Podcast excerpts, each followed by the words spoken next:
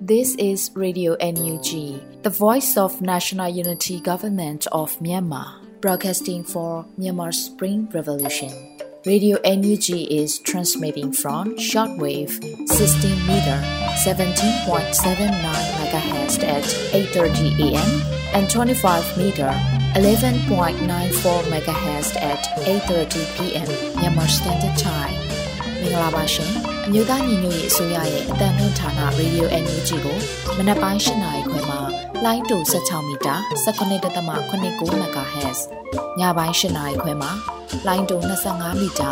17.6 MHz တို့မှာဓာတ်ရိုက်ဖမ်းယူနိုင်စေနိုင်ပါရှင်။မင်္ဂလာအပေါင်းနဲ့ပြည့်စုံကြပါစေ။အခုချိန်ကစပြီး Radio NUG အစီအစဉ်လေးကိုဓာတ်ရိုက်အတန်လွှင့်ပေးနေပါပြီရှင်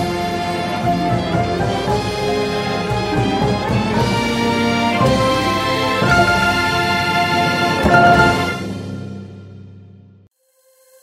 မြန်မာနိုင်ငံသူနိုင်ငံသားအပေါင်းတဘာဝပြီးစစ်အာဏာရှင်ဘေးတို့ကနေကင်းဝေးပြီးဘေးကင်းလုံခြုံကျန်းမာကြပါစေလို့ရေဒီယိုအယူဂျီအဖွဲ့သားများကဆုတောင်းမြတ်တာပို့သလိုက်ရပါတယ်ရှင်။ပထမဆုံးအနေနဲ့ကာကွယ်ရေးဝန်ကြီးဌာနရဲ့စစ်ရေးသတင်းကျဉ်းချုပ်ကိုຫນွေဦးမိုးမှတင်ပြပေးမှာဖြစ်ပါတယ်ရှင်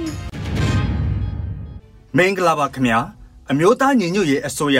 ကာကွယ်ရေးဝန်ကြီးဌာနမှထုတ်ဝေသော နေ့စဉ်စည်ရေးသတင်းအကျဉ်းချုပ်များကို တင်ပြသွားပါမယ်။ဤသတင်းများကိုမြေပြင်သတင်းတောင်ဝန်ခံတွေနဲ့ခိုင်လုံသောမိဖက်သတင်းရင်းမြစ်တွေမှဖော်ပြလာသောအချက်အလက်များပေါ်အခြေခံပြုစုထားခြင်းဖြစ်ပါတယ်ခင်ဗျာ။ပထမဆုံးအနေနဲ့စစ်ကောင်စီနဲ့တိုက်ပွဲဖြစ်ပွားမှုများကို တင်ပြသွားပါမယ်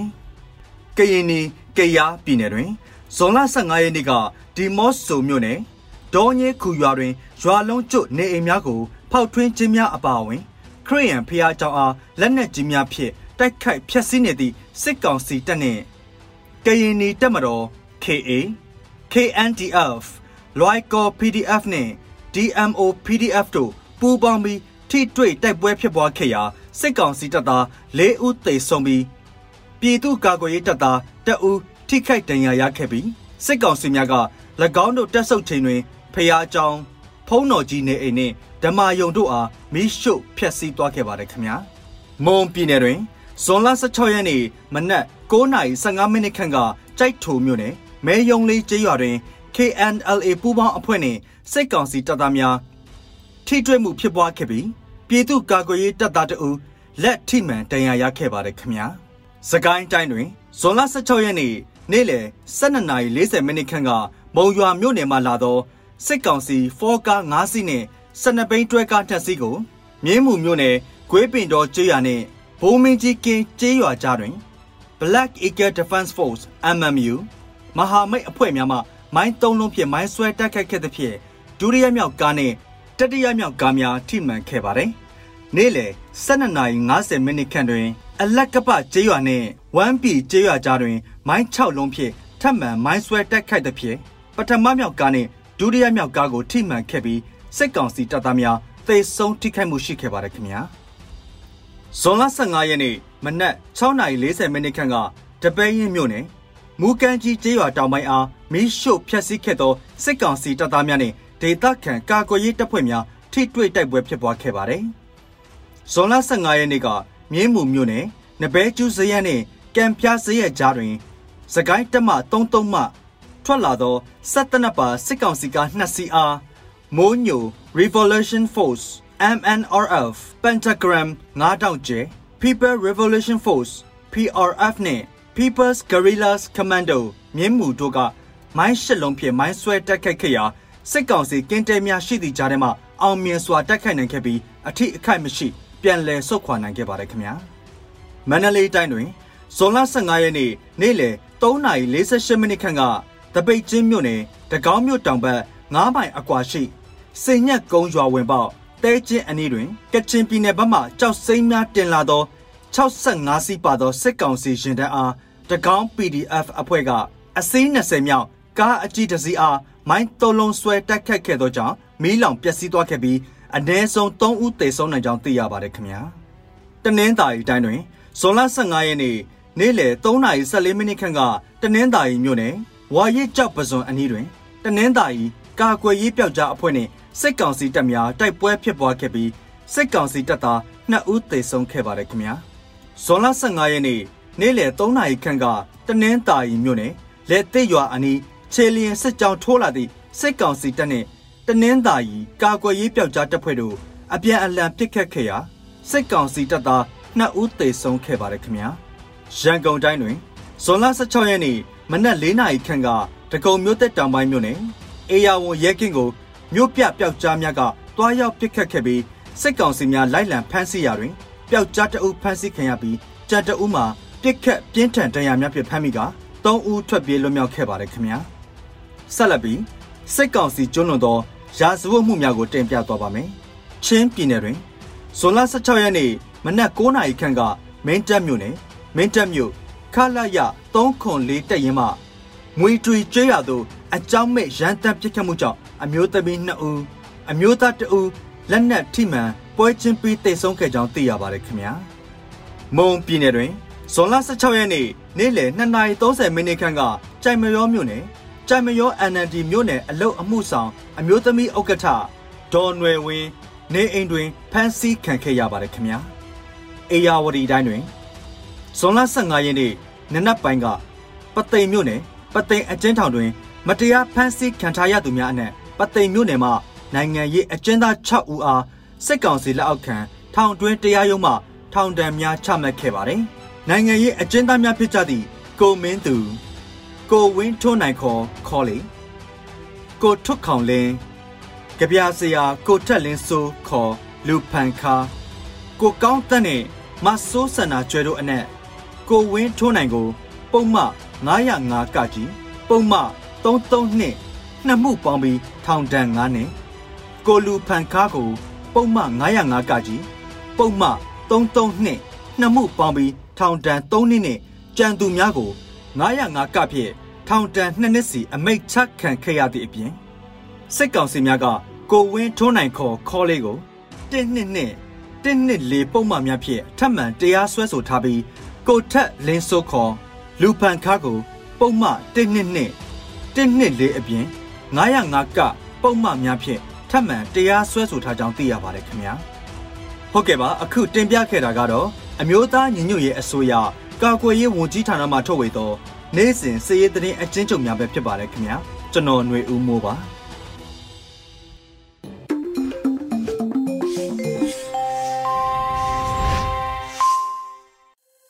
ဆက်လက်ပြီး Radio UNG ရဲ့နောက်ဆုံးရသတင်းများကိုຫນွေဦးမိုင်းမှဖက်ကြားတင်ပြပေးပါမယ်ရှင်။မင်္ဂလာပါရှင်။အခုချိန်ကစပြီး Radio UNG ရဲ့မနက်ခင်းသတင်းများကိုတင်ပြပေးပါတော့မယ်။ဤသတင်းများကို Radio UNG သတင်းတောင်ခံများနဲ့ခိုင်လုံတဲ့မိဖက်သတင်းရင်းမြစ်တွေစီကအခြေခံတင်ပြထားခြင်းဖြစ်ပါရရှင်။ကျွန်မຫນွေဦးမိုင်းပါ။ပထမဆုံးစစ်ရေးပိုင်းတွင်အရှိန်မြင့်တင်ဆောင်ရွက်ရာတွင် ထောက်လိုင်းရေးဆိုင်ရာချက်လက်များသည်လွန်စွာအရေးကြီးကပြစ်မှတ်ပိုင်းဆိုင်ရာထောက်လိုင်းရေးလုပ်ငန်းဘက်ကိုပုံမဥတီအဓိကထားဆောင်ရွက်မယ်လို့ပြည်ထရေးဝင်ကြီးဆိုတဲ့သတင်းကိုတင်ပြပေးပါမယ်။စစ်ရေးပိုင်းတွင်အရှိန်မြင့်တင်ဆောင်ရွက်ရာတွင်ထောက်လိုင်းရေးဆိုင်ရာချက်လက်များသည်လွန်စွာအရေးကြီးကပြစ်မှတ်ပိုင်းဆိုင်ရာထောက်လိုင်းလုပ်ငန်းဘက်ကိုပုံမဥတီအဓိကထားဆောင်ရွက်မယ်လို့ပြည်ထရေးဝင်ကြီးဦးလုံကိုလက်ကဆိုလိုက်ပါတယ်။ ဇွန်လ16ရက်ပြည်ထရေးနဲ့လူဝင်မှုကြီးကြပ်ရေးဝန်ကြီးဌာနဝန်ကြီးဦးလွန်ကိုလက်နဲ့အထူးဆောင်ဆန်းထောက်လှမ်းရေးဦးစီးဌာနဗဟိုတိုင်းခရိုင်မြို့နယ်ဖွဲ့ဝင်များတွေ့ဆုံပွဲကျင်းပရာတွင်ဝန်ကြီးကပြောကြားခဲ့ခြင်းဖြစ်ပါတယ်။ထောက်လှမ်းရေးကိစ္စများသည့်စစ်ရေးနိုင်ငံရေးတွင်လွန်စွာအရေးကြီးပါကြောင်းတနစ်တာဆောင်ရွက်ချက်များကိုပြန်လည်သုံးသပ်ပြီးချစ်ချစ်လက်လက်ဖြင့်ပုံမလုတ်ကန်ဆောင်ရွက်နေရလိုအပ်ပါကြောင်းထို့သို့လုတ်ကန်ဆောင်ရွက်ခြင်းဖြင့်လုံခြုံရေးကဏ္ဍ အုပ်ချုပ်ရေးကဏ္ဍများတွင်လည်းအားကောင်းလာပြီးတော်လှန်ရေးလုပ်ငန်းများကိုထိထိရောက်ရောက်ပုံမှုဆောင်ရွက်နိုင်မှာဖြစ်ပါကြောင်း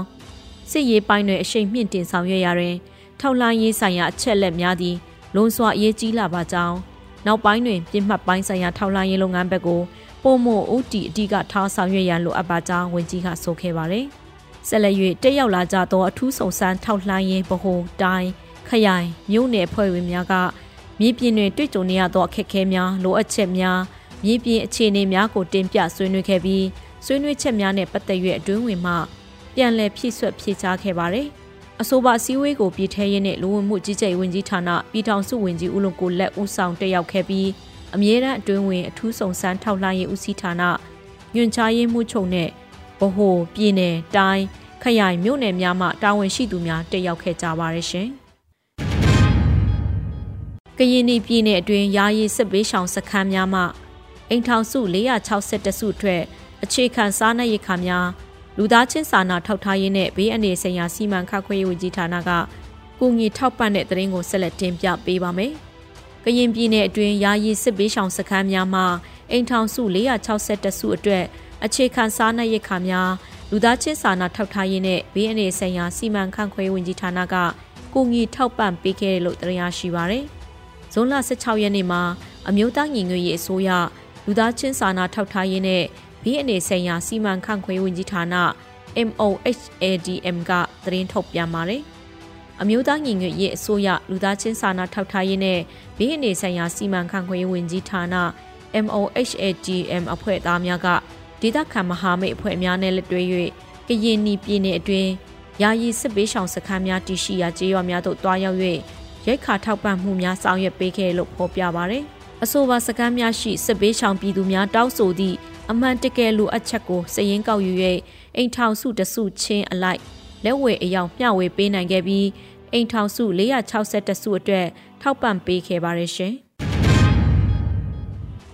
ဆက်လက်ပြီးနိုင်ငံတကာကအမျိုးသားညီညွတ်ရေးအစိုးရကိုလက်နက်ပေးတဲ့နဲ့စစ်ကောင်စီလက်နက်ချပြီး ထွက်သွားရမယ့်နေ့လို့ပြည်ထောင်စုဝန်ကြီးဒေါက်တာဇော်ဝဲဆိုဆိုလိုက်တဲ့အကြောင်းကိုတင်ပြပေးပါမယ်။နိုင်ငံတကာကအမျိုးသားညီညွတ်ရေးအစိုးရကိုလက်နက်ပေးတဲ့နေ့စစ်ကောင်စီလက်နက်ချပြီးထွက်သွားရမယ့်နေ့လို့ပြည်ထောင်စုဝန်ကြီးဒေါက်တာဇော်ဝဲဆိုကပြောကြားလိုက်ပါတယ်။ကျွန်တော်တို့လက်နက်ကတော့တောင်းတယ်။ဒါတွေတောင်းတာလူတွေသေးစေချင်လို့မဟုတ်ဘူး။ဒါပေမဲ့ကျွန်တော်တို့အဲ့ရရတဲ့နေ့ဟိုလိုတွေလက်နက်ချတဲ့နေ့ပါ။ထွက်သွားရမယ့်နေ့ပါလက်နက်ကရဖို့လဲရှိကောင်းရှိနိုင်ပါတယ်လို့ဝန်ကြီးကဆိုပါတယ် လက်ရှိမှာ PDF တက်ရင်တက်ဖွဲ့ပေါင်း258ရင်းကိုဖွဲ့စည်းထားပြီးဖြစ်က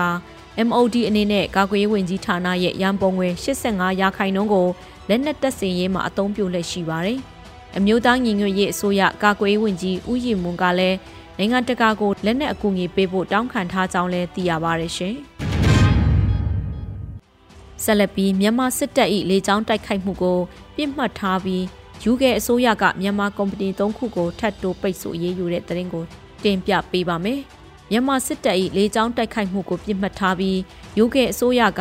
မြန်မာကုမ္ပဏီ၃ခုကိုထပ်တိုးပိတ်ဆို့ရေးယူလိုက်တယ်လို့သတင်းရရှိပါရယ်။မြန်မာစစ်တပ်တို့လေရင်အစိတ်ပိုင်းများအထောက်ပံ့ပေးရာတွင်တာဝန်ရှိသည့်ကုမ္ပဏီများကိုပြစ်မှတ်ထားသည့်ပိတ်ဆို့အရေးယူမှုအသစ်များကို UK အစိုးရကထုတ်ပြန်ကြေညာလိုက်တာဖြစ်ပါတယ်။မြန်မာစစ်တပ်ကရက်သားပြည်သူများကိုပြစ်မှတ်ထား၍ လေကြောင်းတိုက်ခိုက်မှုများပြုလုပ်ခြင်းပါဝင်ကျယ်ပြန့်သောရက်စက်ကြမ်းကြုတ်မှုများကိုစနစ်တကျကျူးလွန်နေကြောင်း Amnesty International ၏မကြာသေးမီကထုတ်ပြန်သည့်အစီရင်ခံစာပြီးအဆိုပါဒဏ်ခတ်အရေးယူမှုကိုထုတ်ပြန်လိုက်ခြင်းဖြစ်ပါတယ်။စစ်အာဏာရှင်ကိုကန့်သက်ခြင်းနဲ့ပူတင်၏စစ်ရန်တရားသို့စီးဆင်းသွားနိုင်သည့်ဝင်ငွေကိုပြစ်မှတ်ထားကမြန်မာနှင့်ရုရှားနိုင်ငံရှိလက်နက်ကုမ္ပဏီကြီးများ၏ပိုင်ဆိုင်မှုတို့အားတင်းတင်းကြပ်ကြပ်ထိန်းချုပ်သွားမှာဖြစ်တယ်လို့ UK အစိုးရကဆိုပါတယ်။လက်ရှိတန်ခတ်ပိတ်ဆို့ရေးယူခံရသောမြန်မာကုမ္ပဏီများမှာ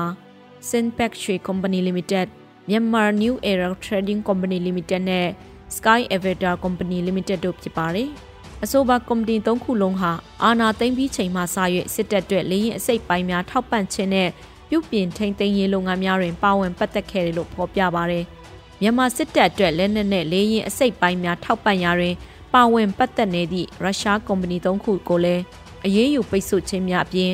ပူတင်၏မဟာမိတ်များကိုပြစ်မှတ်ထား၍ပုံမကျဲပြန့်သောဒဏ်ခတ်အရေးယူမှုများလည်းပါဝင်တယ်လို့သိရပါတယ်ရှင်။ဆက်လက်ပြီးကျေးလက်ဒေတာပျောက်ကြားတပ်ဖွဲ့မြိုင်မှ UNG ပင်ယာရေးဘုတ်အဖွဲ့နဲ့ချိတ်ဆက်၍အကြောင်းဖွင့်ခြင်းများလှုပ်ဆောင်နိုင်ခဲ့တဲ့သတင်းကိုတင်ပြပေးပါမယ်။ကျေးလက်ဒေတာပျောက်ကြားတပ်ဖွဲ့များမှ NUG ပင်ငါရေးဖို့အဖွဲ့နဲ့ချိတ်ဆက်၍ ကျောင်းဖွင့်ခြင်းများလှုပ်ဆောင်နိုင်ခဲ့တယ်လို့သိရရှိပါရယ်။ဇွန်လ16ရက်မှာကျေးလက်ဒေတာပျောက်ကြားတပ်ဖွဲ့များမှတရားဝင်ထုတ်ပြန်ခဲ့ပါရယ်။ကျွန်တော်တို့ကျေးလက်ဒေတာပျောက်ကြားတပ်ဖွဲ့များမှကျွန်တော်တို့နဲ့နီနာကျေးရွာများအားကာကွယ်ရေးနဲ့ပင်ငါရေးအတွက်ပြုလုပ်ပေးခဲ့ပါရယ်။ကျွန်တော်တို့တပ်ဖွဲ့မှចောင်းသားမိဘများနဲ့ចောင်းသားများအားလုံခြုံရေးတာဝန်ယူပေးခဲ့ပြီး NUG ပင်ငါရေးဘုတ်အဖွဲ့နဲ့ချိတ်ဆက်၍ကျောင်းဖွင့်ခြင်းများပြုလုပ်နိုင်ခဲ့ပါတယ်လို့ဖော်ပြပါတယ်။ ယခုတွင်မြိုင်မြုပ်နယ်ကျေးရွာများတွင်ကျောင်းများဖွင့်လှစ်ပေးနိုင်ခဲ့ပြီးကျောင်းသားကျောင်းသူအများပြားပညာသင်ကြားလက်ရှိပါတယ်ရှင်။ဆက်လက်ပြီးအင်းတော်မြို့နယ်တွင် CDM ဆီယာမ2ဦးကိုလာဖမ်းတာမတွေ့၍အသက်80ရွယ်မိခင်ဖြစ်သူနဲ့ခဲအိုဖြစ်သူကိုစက်ကောင်စီရဲ့ရဲတပ်ဖွဲ့ကဖမ်းဆီးလိုက်တဲ့တဲ့ရင်ကိုတင်ပြပေးပါမယ်။စကိုင်းတိုင်းအင်းတော်မြို့နယ်တွင် CDM ဆီယာမ2ဦးကိုလာဖမ်းတာမတွေ့၍အသက်80ရွယ်မိခင်ဖြစ်သူနဲ့ ခဲအိုဖြစ်သူကိုစစ်ကောင်စီရဲတပ်ဖွဲ့ကဖမ်းဆီးသွားတယ်လို့သတင်းရရှိပါရယ်။ဇွန်လ16ရက်ညနေ4:73မိနစ်အချိန်တွင်ရဲအင်အား10ယောက်နဲ့အင်းတော်မြို့နယ်ရေတွင်းကုန်းရက်ကွက်ကိုဝင်ရောက်ဖမ်းဆီးတာလို့အင်းတော်တော်လှန်ရေးအင်အားစုကဆိုပါရယ်။ဇွန်လ16ရက်ညနေ4:73မိနစ်အချိန်အင်းတော်မြို့ပေါ်တွင်ရဲအင်အား10ယောက်ကျော်ခန့်ကားနဲ့မြို့ပတ်ပြီးတနက်တွေဖောက်နေပါတယ်။ညနေ3နာရီခန့်အချိန်ကလည်းရေတွင်းကုန်းရက်ကွက်တွင်တနက်တွေဖောက်ပြီး CDM ဆီယာမနှုတ်ကိုလာဖမ်းတာ မတွေ့၍ဘေးအိမ်ကကျူရှင်ပြနေတဲ့အပြင်ဆီယာမနှုတ်ကိုဖမ်းဆီးပြီးရိုက်နှက်၍ပြန်လွှတ်ခဲ့ပါတယ်။ CDM ဆီယာမကိုမတွေ့လို့အသက်80အရွယ်မိခင်ဖြစ်သူနဲ့ခဲအိုဖြစ်သူကိုဖမ်းသွားပြန်တယ်လို့သိရပါတယ်လို့ IR team ကဆိုထားပါတယ်။လက်ရှိတွင်စစ်ကောင်စီတပ်နဲ့ရဲများမှ CDM များကိုပြန်လည်ဖမ်းဆီးချုပ်နှောင်ဖို့တကြော့ပြန်စတင်ခဲ့ပါတယ်။လက်ရှိမှာစစ်ကောင်စီကတနင်္ဂနွေလုံးရှိအချင်းထောင်များတွင်လူတထောင်ကျော်ဖမ်းဆီးချုပ်နှောင်ထားပါတယ်ရှင်။ ဆက်လက်ပြီး60မမအလဲရတရားကျော်ထုတ်လို့အောင်မြင်၍120မမတာဝေးပြစ်လက်နက်ကိုစမ်းသက်ထုတ်လုပ်နေပြီလို့နေပြည်တော်ပခဖအသိပေးလိုက်တဲ့သတင်းကိုတင်ပြပေးပါမယ်။60မမအလဲရတရားကျော်ထုတ်လို့အောင်မြင်၍120မမတာဝေးပြစ်လက်နက်ကိုစမ်းသက်ထုတ်လုပ်နေပြီလို့နေပြည်တော်ပကဖသတိပေးထုတ်ပြန်လိုက်ပါတယ်။ဇွန်လ16ရက်နေ့မှာ60မမတာဝေးပြစ်လက်နက်ထုတ်လုပ်အောင်မြင်ကြောင်းအသိပေးရမှာနေပြည်တော်ပကဖကဆိုပါတယ်။ ပြည်သူ့ကာကွယ်ရေးအဖွဲ့နေပြည်တော်စစ်ရေးတာဝန်ခံဗိုလ်တေဇမှဦးဆောင်၍60မမတာဝေးပြစ်လက်နက်ကိုအောင်မြင်စွာထုတ်လုပ်နိုင်ခဲ့ပြီးဖြစ်ပါတယ်။လက်ရှိတွင်60မမအလဲရတရားကျော်ထုတ်လုပ်ထားပြီးဖြစ်ပါတယ်။ဆက်လက်၍120မမတာဝေးပြစ်လက်နက်ကိုစမ်းသက်ထုတ်လုပ်နေပြီးဖြစ်ပါတယ်လို့ဖော်ပြပါတယ်။60မမထုတ်လုပ်ရာတွင်ပူးပေါင်းပါဝင်ကူညီပေးကြပါသောရဲဘော်များ NPDF တက်ရင်802နဲ့လိုအပ်သည်များကိုကူညီပံ့ပိုးပေးခဲ့ကြသောမိတ်ဆွေများကို လေးစားစွာဖြင့်မှတ်တမ်းတင်အပ်ပါတယ်လို့နေပြည်တော်ပကဖကထုတ်ပြန်ထားပါတယ်ရှင်။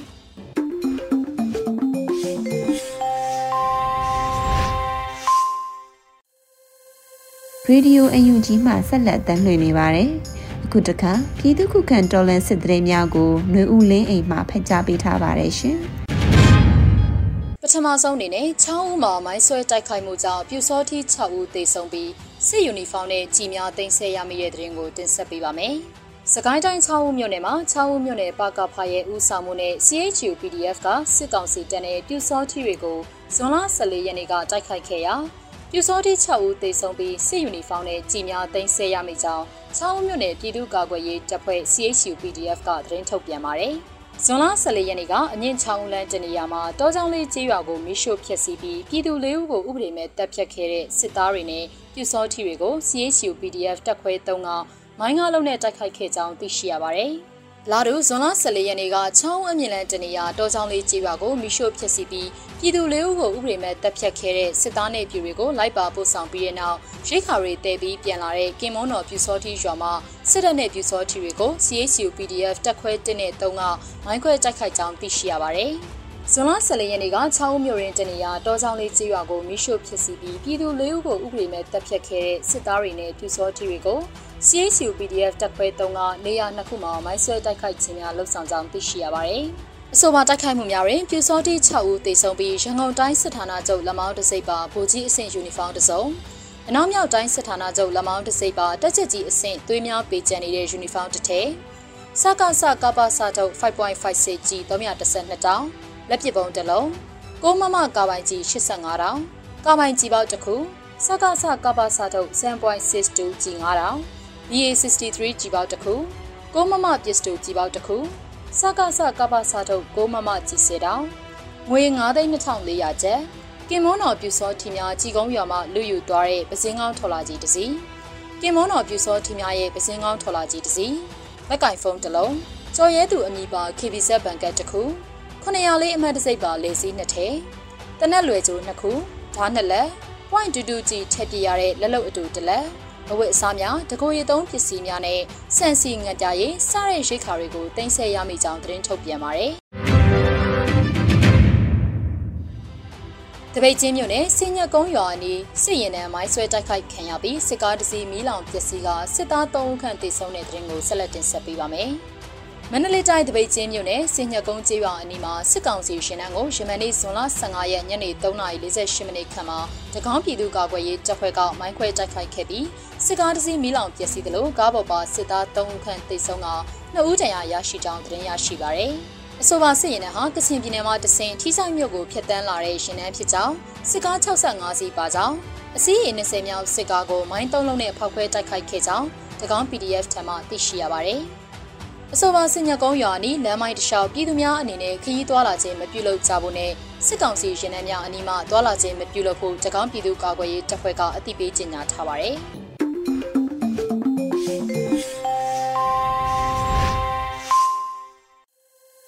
Radio UNG သောတာရှင်များရှင် PVTV ရဲ့နေ့စဉ်သတင်းများကိုတော့မျိုးတော်ရာမှဖတ်ကြားတင်ပြပေးထားပါတယ်ရှင် ပထမဆုံးတင်ဆက်ပေးမှာကတော့အကြမ်းဖက်စစ်အုပ်စုရဲ့တရားမဲ့အမုန်းဖက်တဲ့ဒေတာအတီးပြုတ်မှုကိုပြင်းပြင်းထန်ထန်ကန့်ကွက်ရှုံချတယ်လို့အထွေထွေတပိတ်ပေါင်းဆက်ညှိနှိုင်းရေးအင်အားစု GSCB ကထုတ်ပြန်လိုက်တဲ့သတင်းမှာ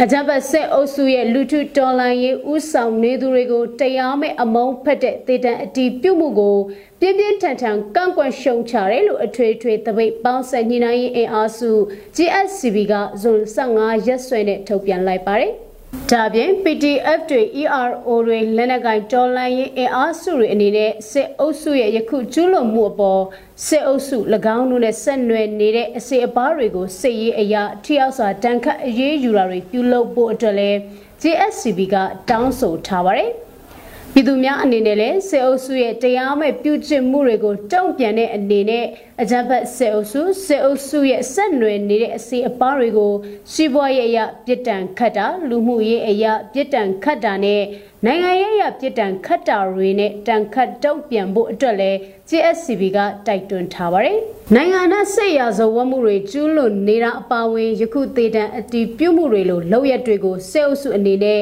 ရပ်တန့်ခြင်းမရှိဘဲဆက်လက်ကျူးလွန်နေပါကအကြမ်းဖက်စစ်အုပ်စုစစ်အုပ်စုရဲ့အဆက်အနွယ်နဲ့အစီအပါးတွေပေါ်ကြားရောက်လာမဲ့တက်ရောက်မှုတိုင်းကစစ်အုပ်စုရဲ့တာဝန်သာဖြစ်တဲ့ဆိုပြီးယခုထုတ်ပြန်ချက်နဲ့အတူတပါးတဲ့သိစေအပ်တဲ့ဆိုပြီးတော့လဲထုတ်ပြန်ချက်မှာဖော်ပြထားတာတွေ့ရပါတယ်။ကိုကျင်မီခေါ်ကိုကျော်မေယူကိုဖြိုးစေရတော့ကိုလှမျိုးအောင်နဲ့ကိုအောင်သူရဇော်တို့ရဲ့တည်တံစီရင်ချက်ကိုအတည်ပြုခဲ့တဲ့ဆိုပြီးအကြံဖက်စစ်အုပ်စုဝါရဖြန့်သတင်းဌာနတွေကနေတဆင့်ဇွန်လ3ရက်မှာသတင်းထုတ်ပြန်ခဲ့တာပါ။ အာဏာသိမ်းအကြမ်းဖက်စစ်အုပ်စုရဲ့အဆိုပါတရားမဲ့လောက်ရကမြန်မာနိုင်ငံရဲ့ဥပဒေနိုင်ငံတရားစီရင်ရေးစနစ်နိုင်ငံတကာလိုက်နာရမယ့်ကျင့်ဝတ်တဲ့ဥပဒေတွေကိုပြောင်ပြောင်တင်းတင်းချိုးဖောက်မှုတစ်ခုဖြစ်တဲ့အတွက်ဥပဒေရတရားမဝင်ဘူးဆိုတာနဲ့ တိုင်းပြည်ကုန်သွယ်ရေးမဲ့စေတဲ့ဒေသအတီးပြုမှုကဆဲလ်စုရဲ့ဒီမိုကရေစီလှုပ်ရှားသူတွေနဲ့ပြည်သူတွေပေါ်ထားတဲ့အမုန်းတရားနဲ့အာဃာတတွေကိုဖော်ပြနေသလိုတိုင်းပြည်ကိုအဆုံးစွန်ထိရက်ဆက်စွာချုပ်ကင်သွားမဲ့အာဏာရှင်တရုတ်တကံကိုလည်းအပြည့်အဝဖော်ပြနေတယ်ဆိုပြီးထုတ်ပြန်ချက်မှာဖော်ပြထားတာတွေ့ရပါတယ်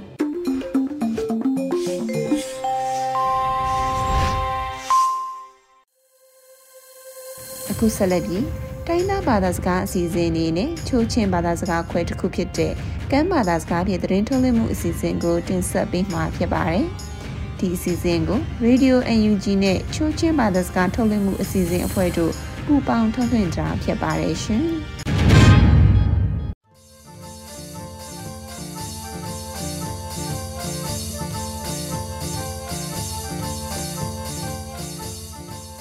กิคาทุทางกันเทนเวยกุยเคยสาละก็คืออลัมมาจึกออยทางกุมทองนี่กุมทองกุมนี่นาคราเฮลีเนบคงอ้อยวางคนกลงปริปตารายกับเทตุเออัมพงสังนาค CTF มินตัดตวนอัมวกานากาชิอุปึงพีอดาอมอุเอ็นเล่มบายอุปึงพีอเดิมอดาอมอุกตียากละอมคืออาคาโซกอนาอบอมตูละโลอุปงเอรายกับเทตูอัมนากานาบายารายกับเทปทุมชีเอ็นปังงาละเดิมปึงแหลมกตีละอยากลอมกืออปันหินาไปทางกุมทองหิกุมทองกุมหินาคราเชงานเหือปะเมนตาเดอมอุปงเอรายกับเทตุเอ็นสัมปังเมออนอัมมะไงไงละอัมกานาเกดองอา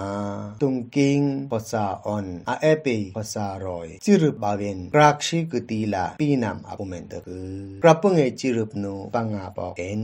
ปันหิคาตุงกิงโคซาอาปอกเอ็นปทุมคาเจงชริงออนพรอยคอยอันนัลากาออกดีอยากลองกือนาคราเซลีนมิงตัดขบุยขุยาอายุบจาละอัมกานาเกดองอา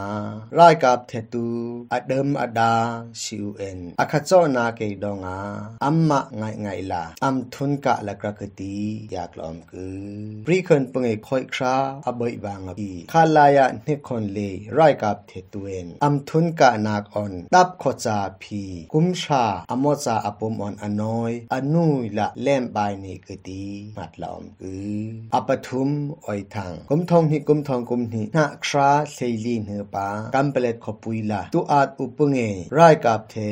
พระออนงกิบคา the youth force on so battalion 2กรอกทุปีนำรายกับตวนลำเจียอนามาอุเอ็นอำนาการนักเอดองารายกับเทปันหิสิเอ็น pasha anui lalem kati. อยากลอมกือครูคออนมากวยรำบางละรายกับเทตูอนุยนอกละครึ่งมองโลจีอุเอนมันตะเลบางอีกายนรายกับเทตูเออัมโมโตกาตูมากวยออนครูคอบางละเทิงลบายงายอุปงตีอยากลอมกืออปาลีออยทัง CNA CNTF CTF PTF ปีนำรายกับตูนางมีเอนำกรุงโกรนาเกอมองมาขาช่างวันเปิงเงินอัมหาเตลาดังสักอู တီလာဘူဆောလမွန်နန်တတူဘိနန်မီတွိနံဘီလောတူခါငိုရိုင်လာပခွီဆောနာအတန်ကီကလမေခွီဂျင်လာအုံရှတေယေအတန်လေယေဘီနမ်ဘီပငလာရက CTM 132P နမ်ဘုံပွီနမ်ရော့ရှုတ်အန် CTM နမ်ဘီခါရိုင်ကပ်ထေတူနမ်ထွန်းကနမ်တူအာအွန်တ